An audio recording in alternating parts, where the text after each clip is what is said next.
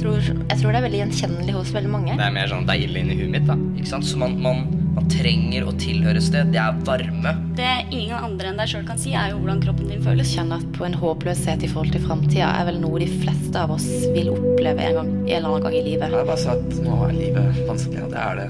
Det er nå. Dette er Hverdagssyken. Podkasten der Marius og jeg sammen med gjester fra hele landet tar for oss mental helse i hverdagen og de tabubelagte temaene der ute. Velkommen. Og velkommen til Hverdagssyken. Og i dag så har vi med oss Helene. Helene. Jeg er bipolar. Jeg har det type 2 spesifikt. Eh, Jeg jobber òg som designer, og eh, jeg blogger og skriver og deler om eh, mitt liv som bipolar.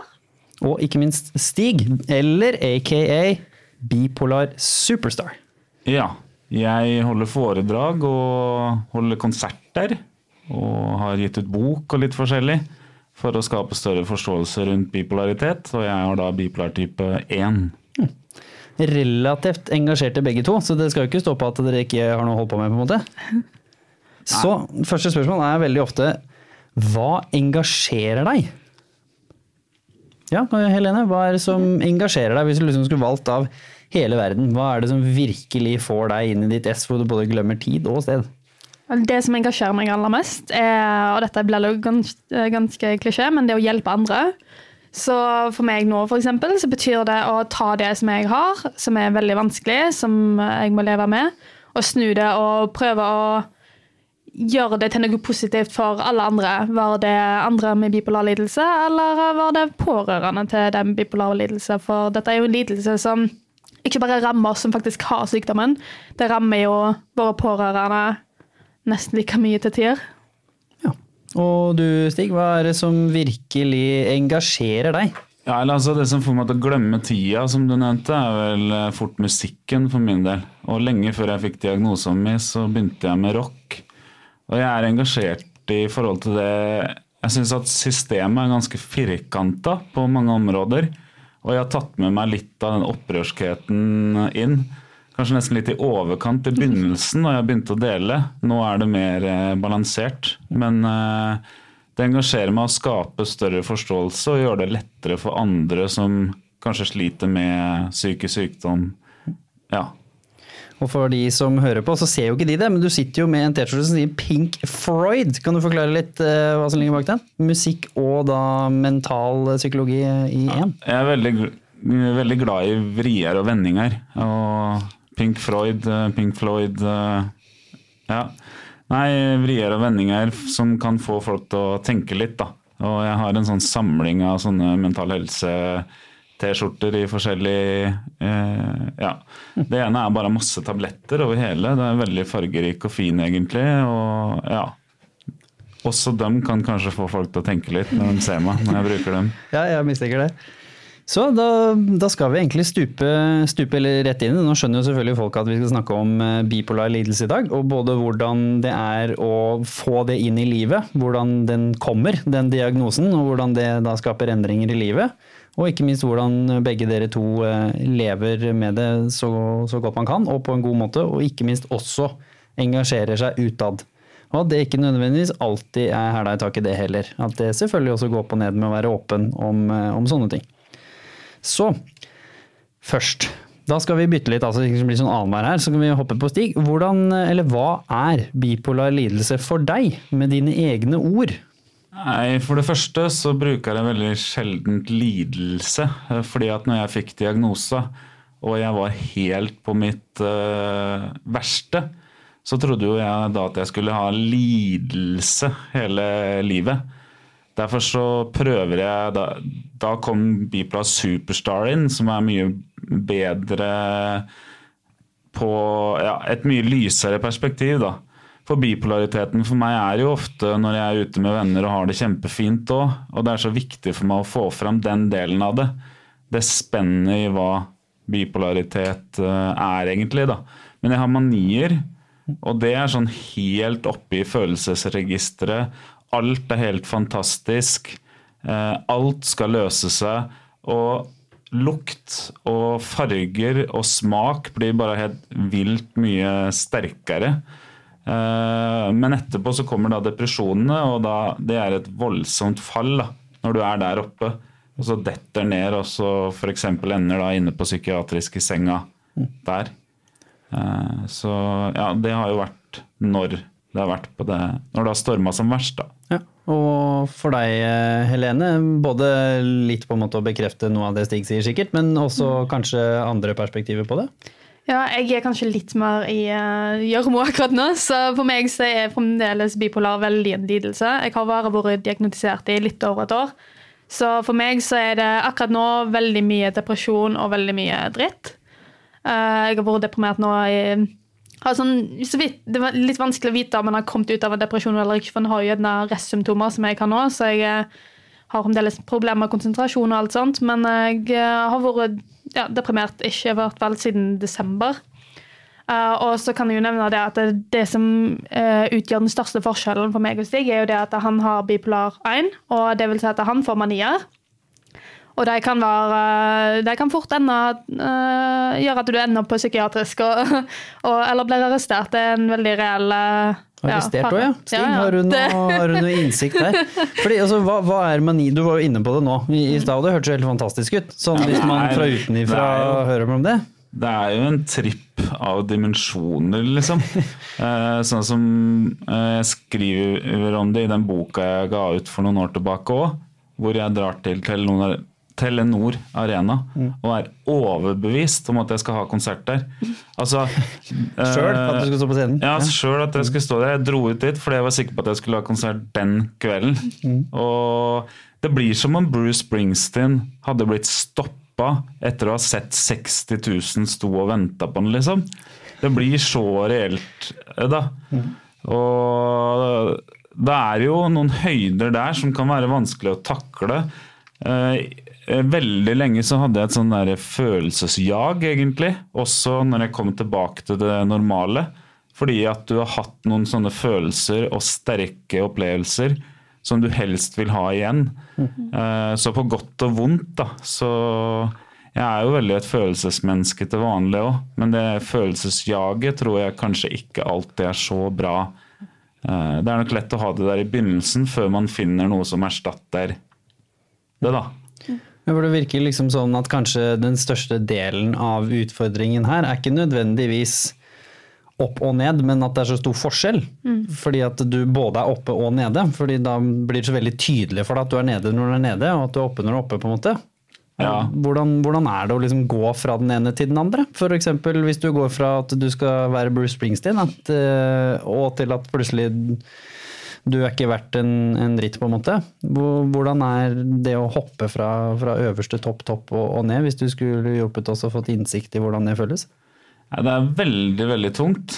Um, Det kan nesten føles som jeg liksom faller ned i senga på psykiatrisk avdeling.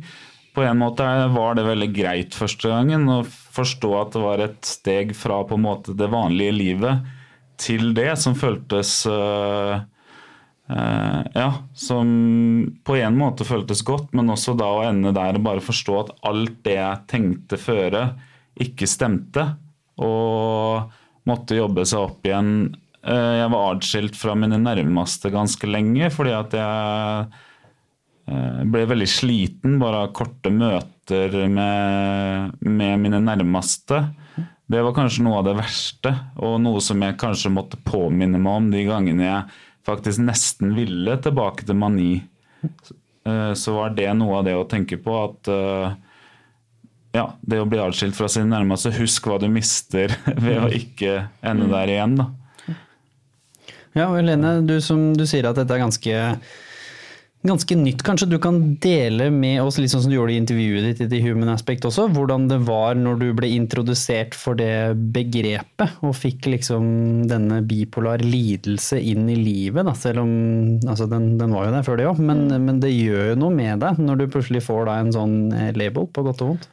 Ja, ehm, Første gangen jeg oppsøkte psykolog er jo fire år siden, men eh, det gikk veldig galt, fordi at han uh, huska ikke meg eh, når vi kom til time nummer to. Psykologer skal jo ta notater og sånt, men det hadde visst ikke han gjort.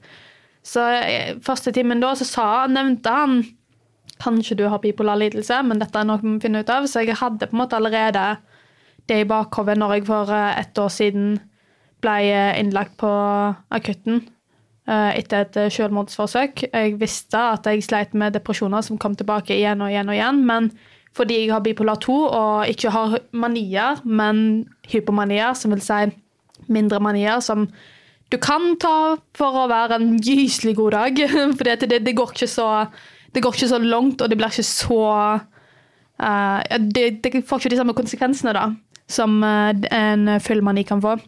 Uh, så det, ja, det eneste jeg visste, var at jeg hadde depresjoner. Men når jeg endelig fikk diagnosen bipolar, så hjalp det egentlig å ja, bare det å ha et navn på det, det hjalp ikke så mye å få bekreftet at dette var noe jeg kom til å ha livet ut. For det er jo, det er jo en vanskelig ting å akseptere med bipolar uh, lidelse eller sykdom, eller hva enn vi skal kalle det. At uh, det er jo noe du har livet ut, på godt og vondt.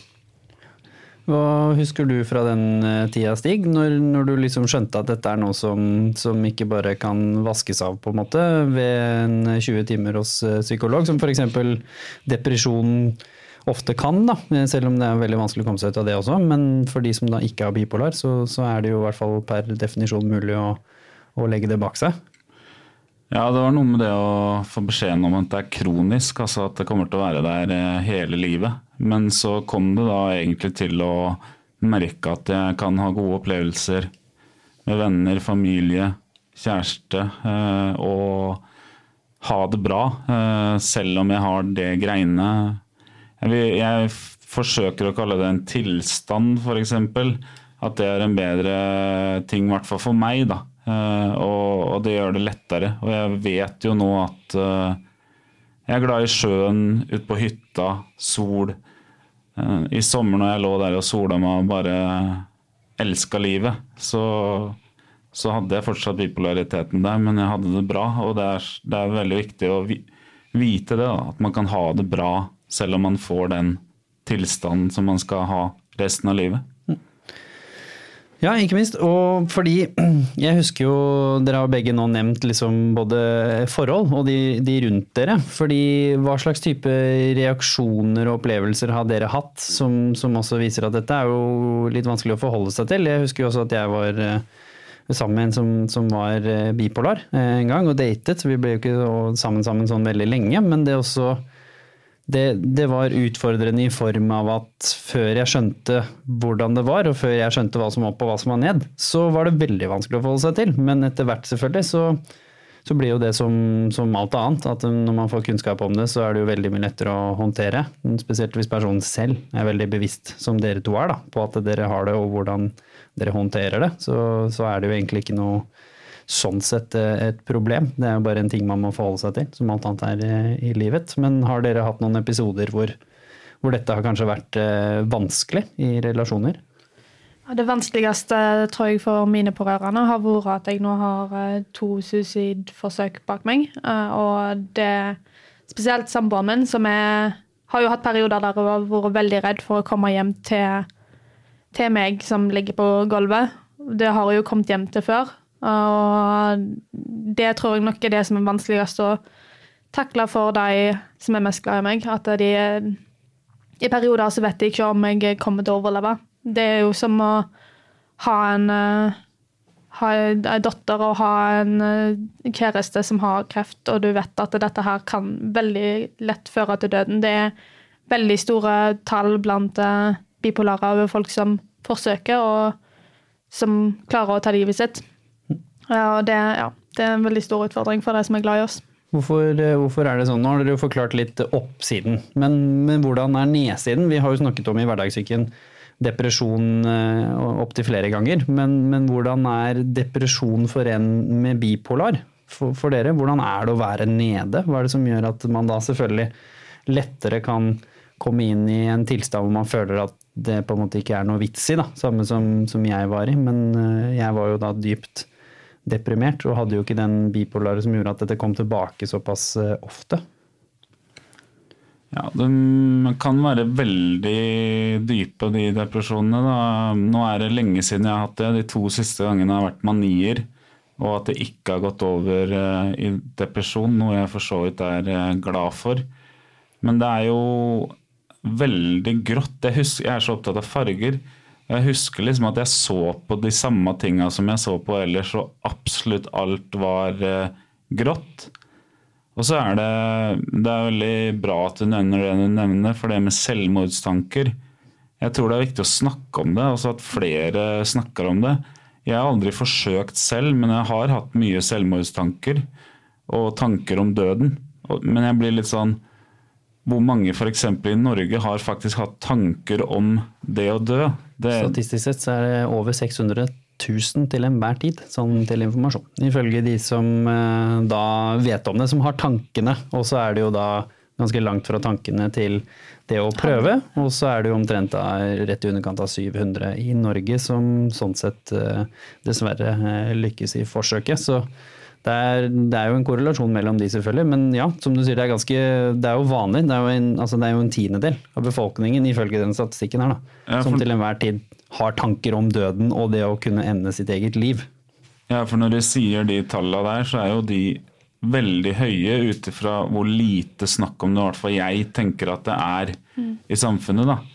Og jeg tenker at det er en større At det er en stor ting som Også der trenger vi større åpenhet, da, rett og slett. Ja, det er jo et spenn òg når det kommer til suicidale tanker. Det merker jeg veldig sjøl. At det, jeg kan være både i der at jeg bare, jeg bare, som du sier, jeg bare tenker mye på døden. Det er bare veldig mye sånn at det, det hadde vært godt å dø. Sant? Og så har du på en måte der når du begynner å planlegge, og det er da det blir veldig farlig. Men hele det spennet bør jo snakkes om.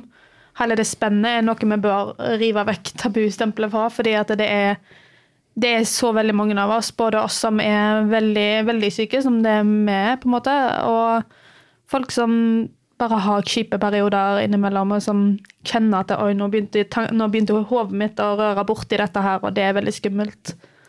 Ja, kanskje nesten det verste for, for de som er der første gang. Og det var kanskje litt for dere også, fordi nå som dere nå har fått diagnosen, så vet jo dere og i hvert fall er forberedt på at det kan komme. Selv om du sier nå, Stig, så er det heldigvis veldig lenge siden, så i teorien så kan det jo gå lenge og kanskje ikke bli noe sånn dype, dype igjen også, får vi nå håpe for begge sin skyld. Men dere er jo i hvert fall forberedt på at det, det kommer, og dere har vært der før, og dere har innsikt i at det betyr ikke at man, man må gjøre det. Det betyr at man kan, kan håndtere det, og, og nå snakker dere sikkert med de rundt dere også.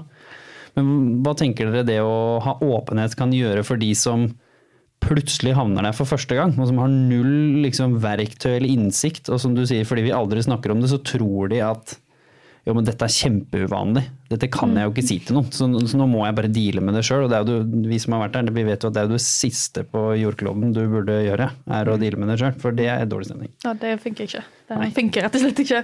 Nei, altså, jeg hadde jo en veldig negativ reaksjon på første gangen når jeg fortalte noen om det. Det fortalte jeg om i Human Aspect, at jeg eh, fortalte en eh, quote unquote voksen eh, når jeg var rundt eh, 11-12 år, at jeg hadde lyst til å ta livet mitt.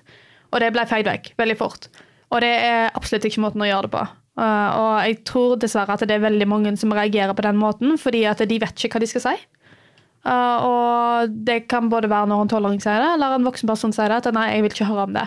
Fordi du blir så instinktivt bare nei, uff, fysj, å, så ubehagelig.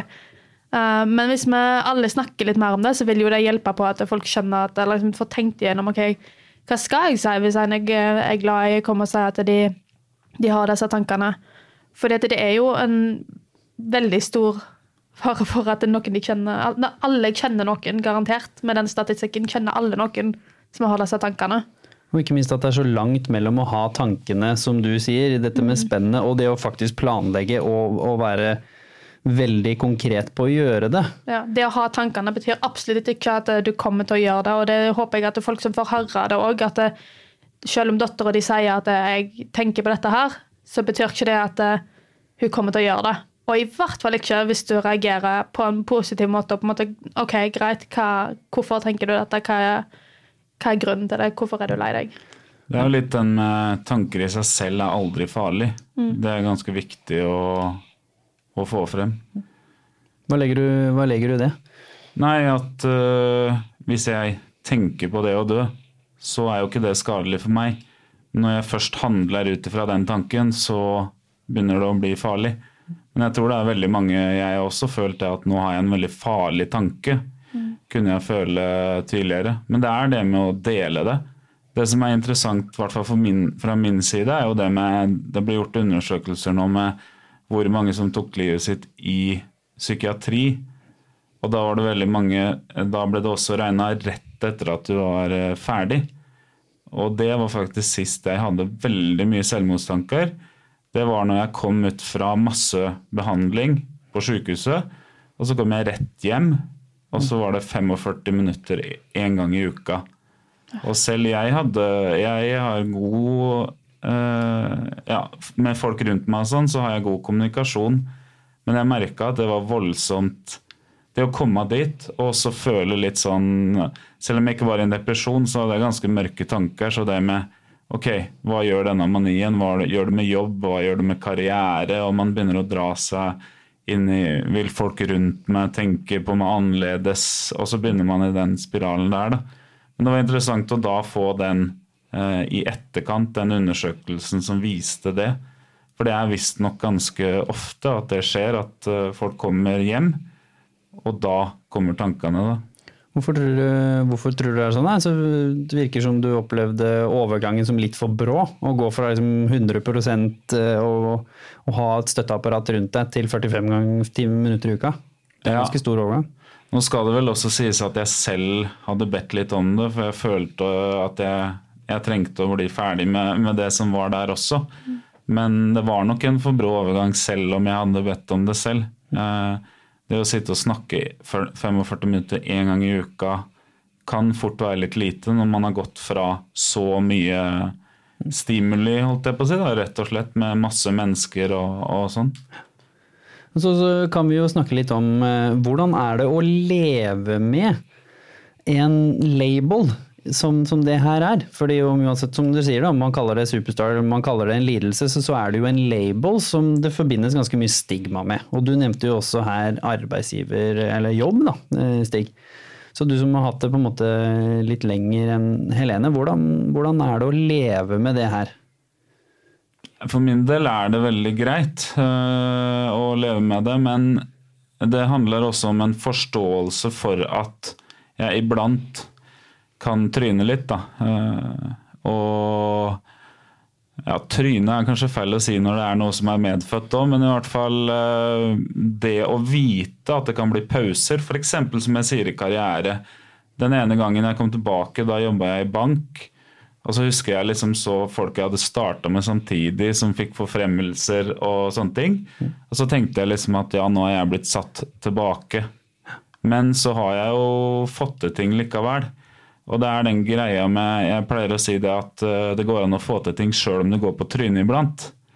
Og det er ganske viktig å få fram. At man aksepterer eh, Jeg hadde nesten et nederlag. Jeg hadde vært frisk i seks år og kun formidla 'nå er jeg frisk' og alt sånn.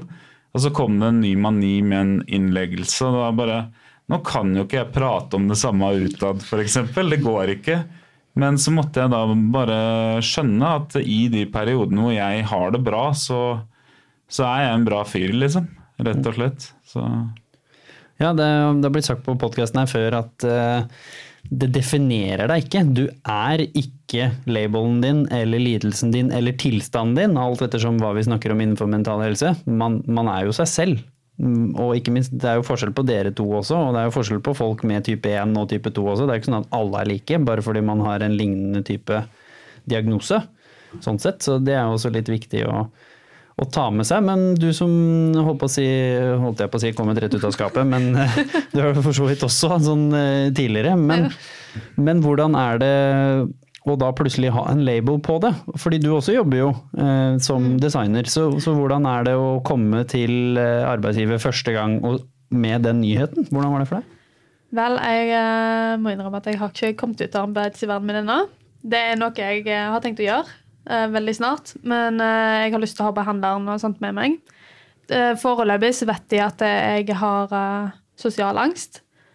det tørte jeg også å si, for det er jo litt mindre litt skummelt. Mindre, skum, ja, mindre stigmatisert. Folk skjønner litt mer. 'Å ja, ok, greit, du er, du er sjenert, bare verre'. Um, men um, Og så har jeg jo vært mye innlagt nå i sommer og litt i vår, og, så, og da tror de egentlig bare at jeg har vært somatisk syk, eh, fysisk syk. Uh, og for at jeg, jeg har litt sånn um, Jeg kan jo fortelle at det var ikke egentlig meninga mi å komme ut til alle om at jeg var bipolar. Det skjedde fordi jeg i sommer har hatt litt sånn blanda depresjon, så vil si at jeg har hatt litt sånn hypomani oppå, og så har jeg òg hatt den litt sånn ved siden av. Så jeg hadde en hypomanisk eh, dag der jeg var så gira. Og det føltes helt fantastisk. Og i motsetning til full mani, så er det ikke så farlig, så du kan egentlig virkelig bare ta deg ut. Eh, Men eh, da var jeg helt sikker på at jeg var blitt frisk, og bestemte meg for at jeg skulle gå fra å ikke la noen vite at jeg var syk, til at nå skal alle vite at jeg er blitt frisk fra denne sykdommen. Eh, Jeg var jo dessverre ikke frisk, eh, men eh, jeg endte jo opp med at jeg da kom ut til alle, og det var ganske, det var ganske skummelt. Men eh, jeg er veldig, veldig glad for, eh, for at jeg gjorde det, sånn eh, nå når jeg har kommet meg litt over det.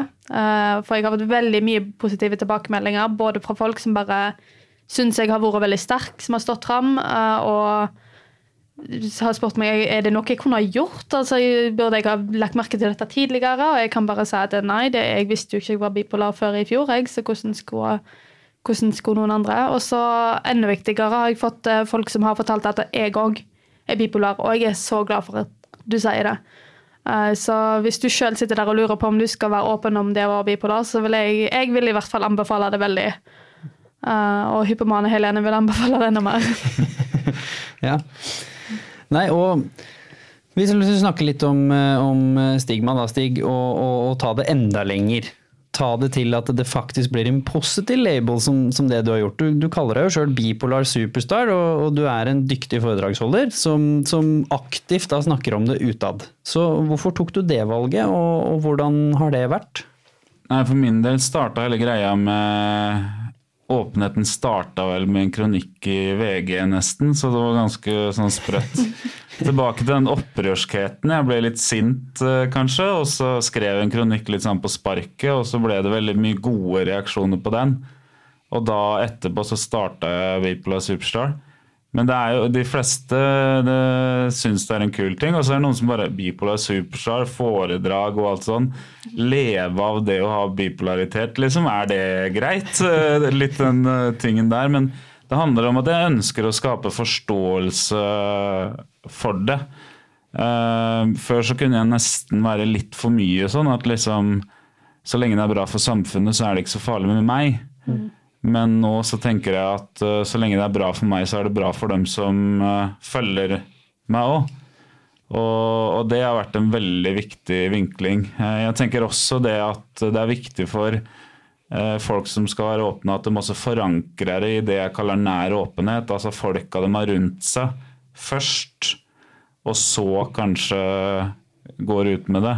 Det er kanskje den beste måten å gjøre det på, tror jeg. Selv om jeg kanskje ikke var sånn fornuftig og flink på det selv, men jeg tenker det sånn i etterkant, da. Hvorfor eh, tenker du det? Jeg merker det nå. Nå har jeg holdt på med Nå har jeg vært åpen i fem-seks år i hvert fall på det her. Og Jeg merker jo den tryggheten det er eh, når ting får mye oppmerksomhet, f.eks. Som jeg jo ønsker. Det kan føles ganske uforutsigbart. Og det da liksom bare sende de tinga til eh, ja, familie og sånn, og bare få tilbake Ja, men dette er jo kjempebra. Kjør på, liksom. Det å ha det forankra ja, og med kjæreste og alt, at eh, jeg vet at støtten er der. Da er det lettere å stå i det. For det er noe uforutsigbart i det å faktisk få den oppmerksomheten man ønsker rundt et tema òg. Husker du første gangen du holdt et foredrag, og hva slags type reaksjoner eh, du fikk? Eller kanskje det foredrag du husker mest? da? Hva, hva slags type reaksjoner er det der ute når du står på scenen og, og på en god eh, måte formidler at det å ha bipolaritet ikke trenger å være døden på verden? Ja, aller eh, første gang, det var faktisk uh, Rolse IFs seniorgruppe. En gjeng med mannfolk som, eh, som skulle kose seg og, og høre på meg. Det var veldig bra. Det var, eh, ja, Pappa var der, og mye venner av han. Og folk som kjente meg fra at jeg hadde spilt fotball på Løkka, som var ved siden av der jeg holdt foredraget. Og det gikk veldig fint. Men så skulle jeg holde det for samme gruppe, da, eh, på et sted opp mot Sarpsborg. Eh, Sarpsborg er jo litt rivalisering, så jeg skal ikke si at det var derfor det gikk dritt, men eh, det gikk rett åt skogen. Eh, det var sånn Jeg hadde med en gitar, og de visste at jeg kunne spille, men da hadde jeg ikke så mye låter med som jeg har nå i foredragene mine. Og så var det noen som bare begynte å ja, Ta og spill noe, ta og spill noe istedenfor å snakke om det triste greiene der. Var liksom tilbakemeldinga. Så da var det som å begynne å kjøre bil etter en ulykke igjen. Jeg tok et foredrag etter, etter et halvt år, og så har det bare fortsatt, da. Har du noen gang holdt foredrag for noen hvor det har vært liksom überrelevant? Hvor de har eh, på en måte kommet til deg etterpå og uttrykt hvor viktig det her er å snakke om? Har du holdt for liksom andre bipolare, på en måte, eller noen sånne steder? Ja, eller når jeg holder det på psykiatriske institusjoner, så merker jeg at det treffer veldig godt, da. Eh, det er sterkt når de kommer opp etterpå, og, og noen steder så kommer jeg igjen. Og, og, da har det liksom vært enkelte ganger at noen som er der over lang tid, kommer for å liksom oppdatere meg på åssen det går med dem og, og, alt sånn. Så da merka jeg virkelig at det inspirerer, da, og det er uh, veldig godt å, godt å merke også for meg. da. Hva er den morsomste maniske perioden dere har hatt? da? Har dere liksom noe, Bortsett fra Bruce Springsteen, eh, er det liksom en periode hvor dere husker at eh, hvor det var litt stas? på en måte? Hvor dere skjønte at dette hadde jeg ikke opplevd hvis ikke jeg hadde bipolaritet? Du kan kanskje Det er jeg som blir manisk, jeg tenkte. Nei, ja, eh, ja, det har jo vært flere ting som har skjedd reelt, egentlig. Jeg hadde jeg varma opp for CC Cowboys, eh, noe jeg hadde drømt om i årevis. Og så var jeg innlagt eh, en uke etterpå, men eh, veien fram til dit var jo veldig, veldig gøy. En annen gang så var det musikkvideoinnspilling hvor vi hadde release på den, og det var 120 mennesker og kø utafor liksom, som skulle inn. Og skikkelig rocketrøkk der. Så det er jo det reelle det som reelt skjedde, da, og så har det da spint over etter det. Så jeg blir veldig overbevisende, tror jeg, i hvert fall i periodene før jeg eh, blir dårlig. Eh, det er ganske reelt, det har jeg hørt andre som da har forholdt seg til meg si. Så ja. Fascinerende. Og Helene, har du hatt noen andre enn at du da bestemte deg for å dele med hele verden, og at det var kjempelur idé? Nei, altså jeg hadde en hypoman-episode i vår uh, som bare det føltes helt fantastisk. Altså, bare Tenk deg den mest produktive dagen i ditt liv, og så har du på en måte det, det ganger ti. på en måte. Og det som er fint med hypomani versus mani, er at um, det er lettere å holde fokus, og du blir egentlig en veldig veldig produktiv person. Uh, så jeg var veldig produktiv, men det er jo ikke en veldig spennende historie. det akkurat. Uh, men jeg har hatt Det er vanskelig å si så veldig mye om de hypomane episodene før jeg ble diagnotisert, diagnostisert, fordi at jeg har litt vanskelig for å bestemme meg for om det var hypomani eller ikke. Men jeg har, um, har hadde et halvt år i, uh, mens jeg bodde i London der jeg, var, der jeg tror jeg var hypoman, og der jeg, der var veldig mye festing og gøy, og møtte masse nye folk, og jeg var så, så i laget absolutt hele tida. Eh, så når jeg tenker tilbake på det, så kjenner jeg jo at selv om det fikk litt konsekvenser, så skjønner jeg så godt at folk blir, eh, blir veldig, savner veldig det å være både hypomanisk og manisk. Det kan ikke være å savne manien, for den blir jo farlig, helt på si, men eh, hypomanien er jo, kan være veldig, veldig god. Vi snakka om det i stad begge to, på en måte at det er noe du hige litt etter på et vis. Og mm. det minner jo selvfølgelig litt om det vi har snakket om her noen ganger også, i forhold til eh, avhengighet. Både mm. vi hadde spilleavhengighet her eh, for ikke så lenge siden. Og ikke minst eh, rusavhengighet, selvfølgelig, som også minner om mye av det samme. Man har opplevd en, en high og noe som var spennende og nytt. Og så kommer man ned til virkeligheten igjen, og for mange da så kommer man jo under virkeligheten igjen, holdt jeg på å si, som i deres tilfelle også. Og så sitter man da egentlig bare og venter på neste, og ønsker det. Hvordan er det for, eh, for deg, Stig, når du da også vet hva som kommer etter en, en hai? Så som du sa i stad, du vet jo konsekvensene. Ja, jeg jeg snakka med en kamerat om det, som har slitt med rus selv. Og han sa jeg kjenner igjen veldig mye av det du beskriver nå, når du snakker om mani. Jeg husker en annen gang med mani òg. Det, eh, det var et utested i Oslo. Jeg husker det å komme inn der Eh, man sier at ved psykose så blir ting forsterka. Jeg er usikker på om det var det som gjorde det for meg, men lukt, farger og alt da, som jeg har vært inne på, liksom bare kommer inn der. Men så var det også sånn at ting var litt utrygt, og jeg likte å tegne. Så jeg hadde tatt med meg da bare en bag med masse fargestifter og masse tegneark. Og så satte jeg meg ved siden av, for det var et band da, som spilte på scenen. Så satte jeg meg ned og bare begynte å tegne på, et, eh, på ark da, på et bord. Og jeg husker noen av dem som satt ved siden av. Ja, kan vi få låne et ark? Og de begynte å tegne og sånn. Men så Jeg hadde dansa litt salsa en periode da, da, og så var det salsa der, da. Så begynte jeg å danse salsa. da, Jeg husker jeg tok et skjerf og bare tok det rundt hodet. Og så endte det også med at jeg eh, skulle ta hatten til han som var vokalist. Jeg tok hatten til han som var vokalist. Og for meg som vokalist så ville jeg tenkt det er jo helt fantastisk. Bare da tar det av, liksom.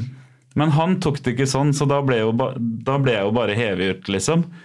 Men altså, den opplevelsen av å være der var helt Jeg husker jeg drakk vann, og så tenkte jeg For jeg drakk ikke alkohol da, da.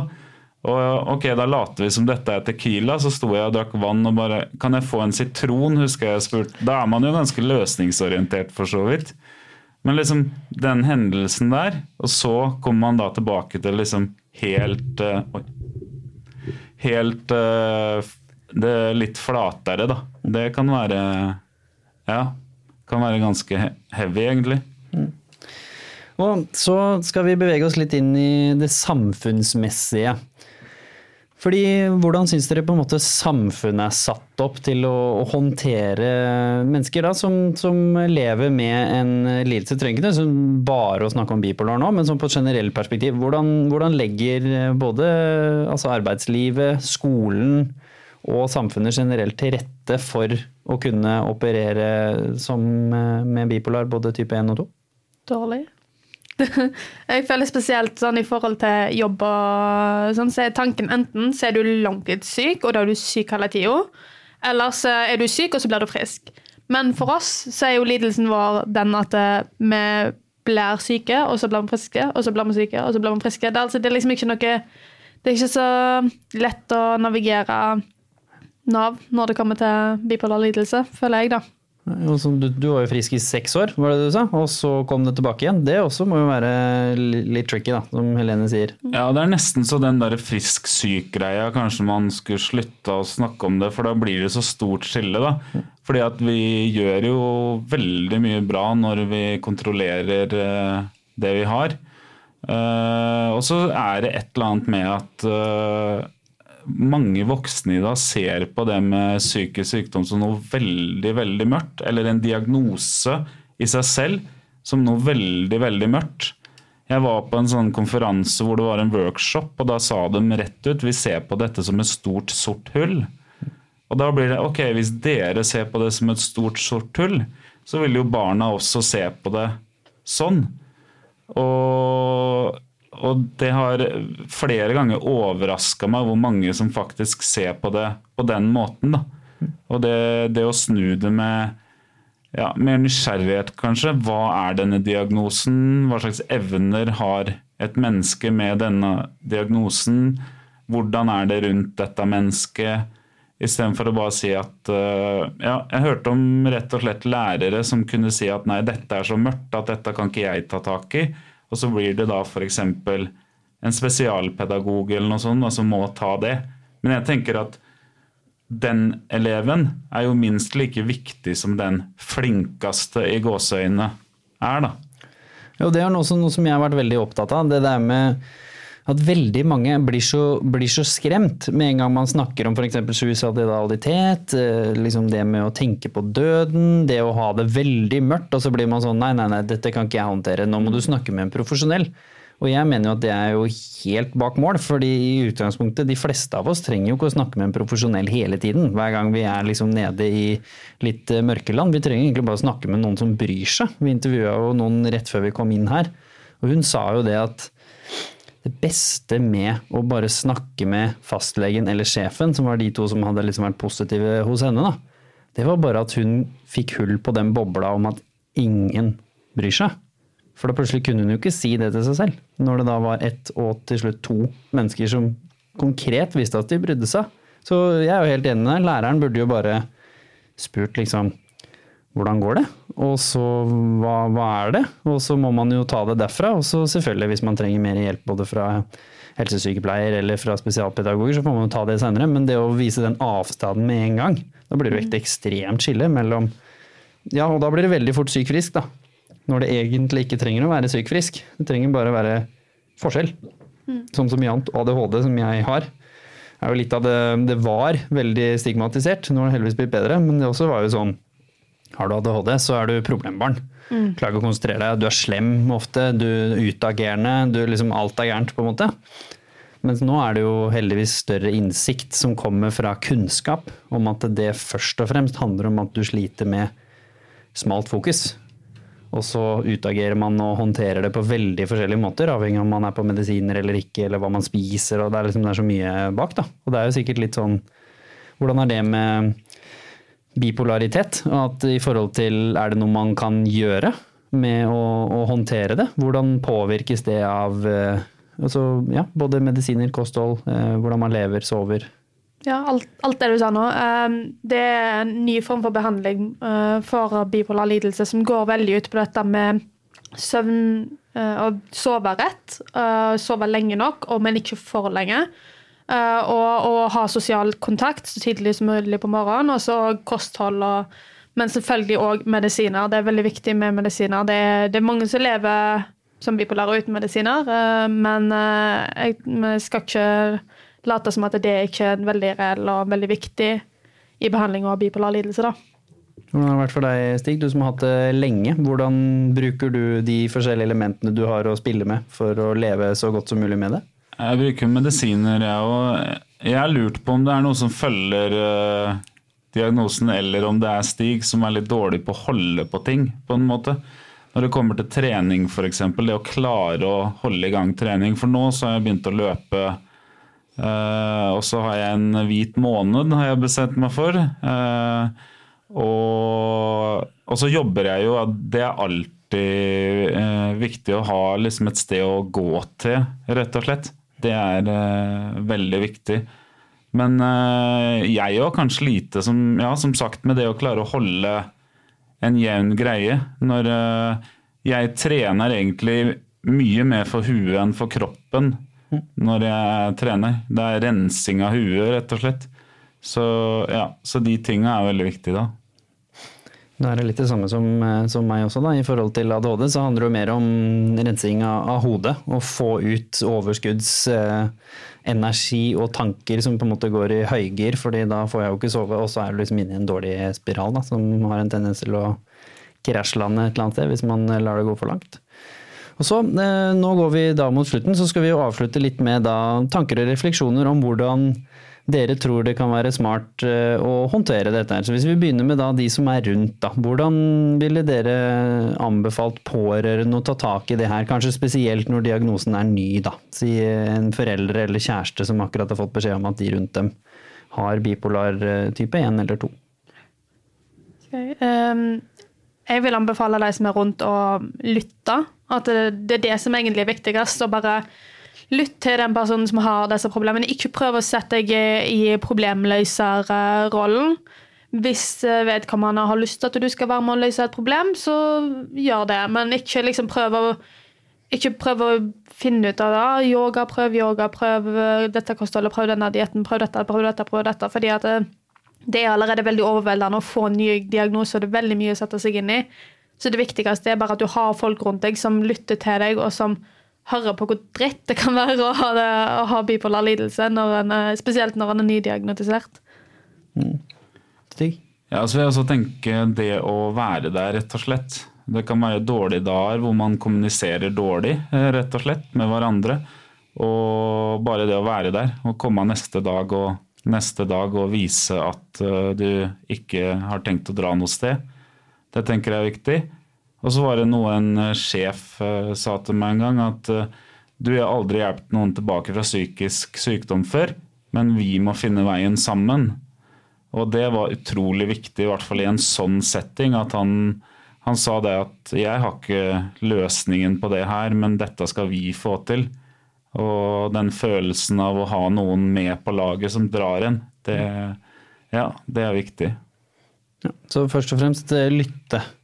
Og som forelder, da, når man kanskje håndterer noen som er litt uh, yngre, og hvor det kanskje i utgangspunktet er litt skeivt uh, forholdet sånn Det blir veldig lett som forelder å bli litt overbeskyttende og bli sånn som du sier, Helene. Da kommer det liksom tusen løsninger. Hvordan tror dere det kunne vært lurt å, å håndtere det, hvis vi da snakker kanskje om unge i tenårene? Jeg har forstått det sånn at det er veldig mange som får diagnosen rundt den perioden der, hvor det kanskje begynner å bli tydelig, og hvor man da får eh, tilgang til profesjonell eh, hjelp, og så, kom, så kommer ofte diagnosen mellom typ sånn 15 og 20. Ja, nei, det, det blir litt samme der òg, at det, det, er så viktig at en lytter til det barnet som har eh, denne sykdommen. Eh, men òg lytte til behandler. og når, selvfølgelig når du er forelder, så må du jo liksom prøve å være litt mer problemorientert. Eller løsningsorientert. Eh, men ikke glemme at det, på en måte, det er mye følelser som kommer med det å ha denne sykdommen. Man trenger, trenger å få de ut. Og Hva slags råd eh, ville dere gitt til de som har det selv? Så hvor man kanskje akkurat har kommet inn i det, eller man har hatt det en stund, men man, det ikke, man føler ikke man håndterer det bra. Da. Hva, hva ville dere sagt eh, til de? Kan begynne med deg, Stig. Først og fremst da at det kan ta tid å finne det. Eh, det er nok lett å bli utålmodig og sånn fordi man ikke finner veien. Men for min del så brukte jeg kanskje fem år før jeg følte at jeg hadde helt uh, kontroll, stort sett, da, på, på, det jeg har. Og uh, selv om jeg jobba og alt sånn i den perioden, uh, så følte jeg liksom at det var ting jeg ikke identifiserte, som gjorde at jeg fikk noen episoder i den tiden. Så at det kan ta tid å gi seg selv den tiden det tar. og Eh, man sier at det ikke skal definere en, men det er litt med på Det kan føles som en identifisering òg, og da må man finne seg selv etter det. Ja, og Helene? Ja, eh, etter, ikke denne depresjonen, men siste depresjon, så fant jeg ut at en veldig viktig ting når jeg, dette var rett etter jeg hadde blitt diagnotisert òg, var dette å utdanne meg sjøl. Eh, så jeg eh, satt jo i en depresjon med psykose, og han var blanda, og det var, det var skikkelig helvete. Men jeg klarte å finne mening i det og lære om min egen sykdom. Og det har gitt meg så mye etterpå. Jeg er så glad for at jeg gjorde det. Og jeg merker når jeg snakker med andre som er bipolare òg, at, at det kan hjelpe oss veldig. fordi at det ikke undervurder hvor viktig det er å bli ekspert på din egen sykdom. Det, det, kan virkelig det kan på sitt beste redde deg. Det gjør at du blir flinkere, du får bedre innsikt i ditt eget, uh, i ditt eget hode og hva det er som egentlig skjer der, og ikke minst hva som kommer til å skje. Du begynner å skjønne signalene litt uh, før uh, toget krasjer. Og sist, men absolutt ikke minst, hva har dere å si til de som sitter og hører på nå og føler at nei, livet er ikke verdt å leve med bipolar? Jeg hadde gått glipp av veldig mye hvis jeg ikke fortsatte å leve. Eh, og det tenker jeg at dem som hører på nå også eh, vil komme til å gjøre. Eh, når dere finner ut av det, så kan det være noe som faktisk er ganske fint å ha vært igjennom og oppleve. Jeg har et mye bedre forhold til dem rundt meg nå enn før jeg fikk diagnosen, f.eks. Musikken har jeg brukt til å finne et godt sted å være og det har gjort at det blir noe spesielt. Så ja. Hang, hang, in there, er det det man sier? Hang in there, ja. Og Helene, hva har du å si til du som eh, har vært der relativt nylig? Ja, uh, det altså Du vet jo når du er bipolar at det blir bedre. Men så vet du òg at det er sannsynlig at det blir verre. Men det er ikke sikkert. Det, er, det fins alltid løsninger. Jeg vet at det er så vanskelig å tro når du først er deprimert. og det behandlerne mine sa det, de òg. Det er så vanlig som bipolar når en er deprimert. Uh, og bipolar depresjoner er som regel veldig mye tyngre enn andre depresjoner. Det, det, du glemmer nesten at det faktisk går Du, du vet det, sånn logisk, men du glemmer, du føler det ikke i deg at du kommer til å bli bedre. Men om ikke noe annet, bare lev for plikta til deg sjøl. Bare føl på den plikta du har for å leve for de rundt deg. Eh, Bare, ja, Så lenge du klarer å holde deg i live. Bare lenge nok til at depresjonen går over. og De pleier jo ikke å vare veldig mye lenger enn et halvt år, så jeg vet du kan klare det. Og nysgjerrigheten, da, som vi har snakket om uh, mer her. tenkte jeg kan avslutte fra min side. Ha den litt nysgjerrigheten, fordi du vet jo faktisk ikke hva livet har å by på. Åkke som, og kanskje enda mer hvis man har bipolar lidelse. For da er det som du sier, det er én ting du er 100 sikker på, det er at det vil gå opp, og det vil gå ned. Det gjør det jo for alle. Men kanskje dere får muligheten til å komme enda litt lenger opp enn uh, Ola og Kari, og enda litt lenger ned. Så sånn sett, hvis man henger in there, så blir det i hvert fall ikke kjedelig. Er det lov å si? Det er. Veldig sant. Så tusen hjertelig takk til Helene og Bipolar Superstar. Ikke minst sjekke ut Bipolar Superstar, selvfølgelig. Og også Helene. Dere deler jo begge to eh, ting som kan være superrelevant for folk som hører på. Både som er nysgjerrige, og da de som er pårørende. Og selvfølgelig de som har bipolar type 1 eller 2 selv. Og tusen takk til Livslyst og Motivasjon, som låner oss dette flotte podcast-studio som alltid. Så da er det bare å ta kontakt med oss som vanlig hvis dere ønsker nye temaer, eller dere har tips til folk som dere syns burde være her på Hverdagssyken. Tusen hjertelig takk. Tusen takk.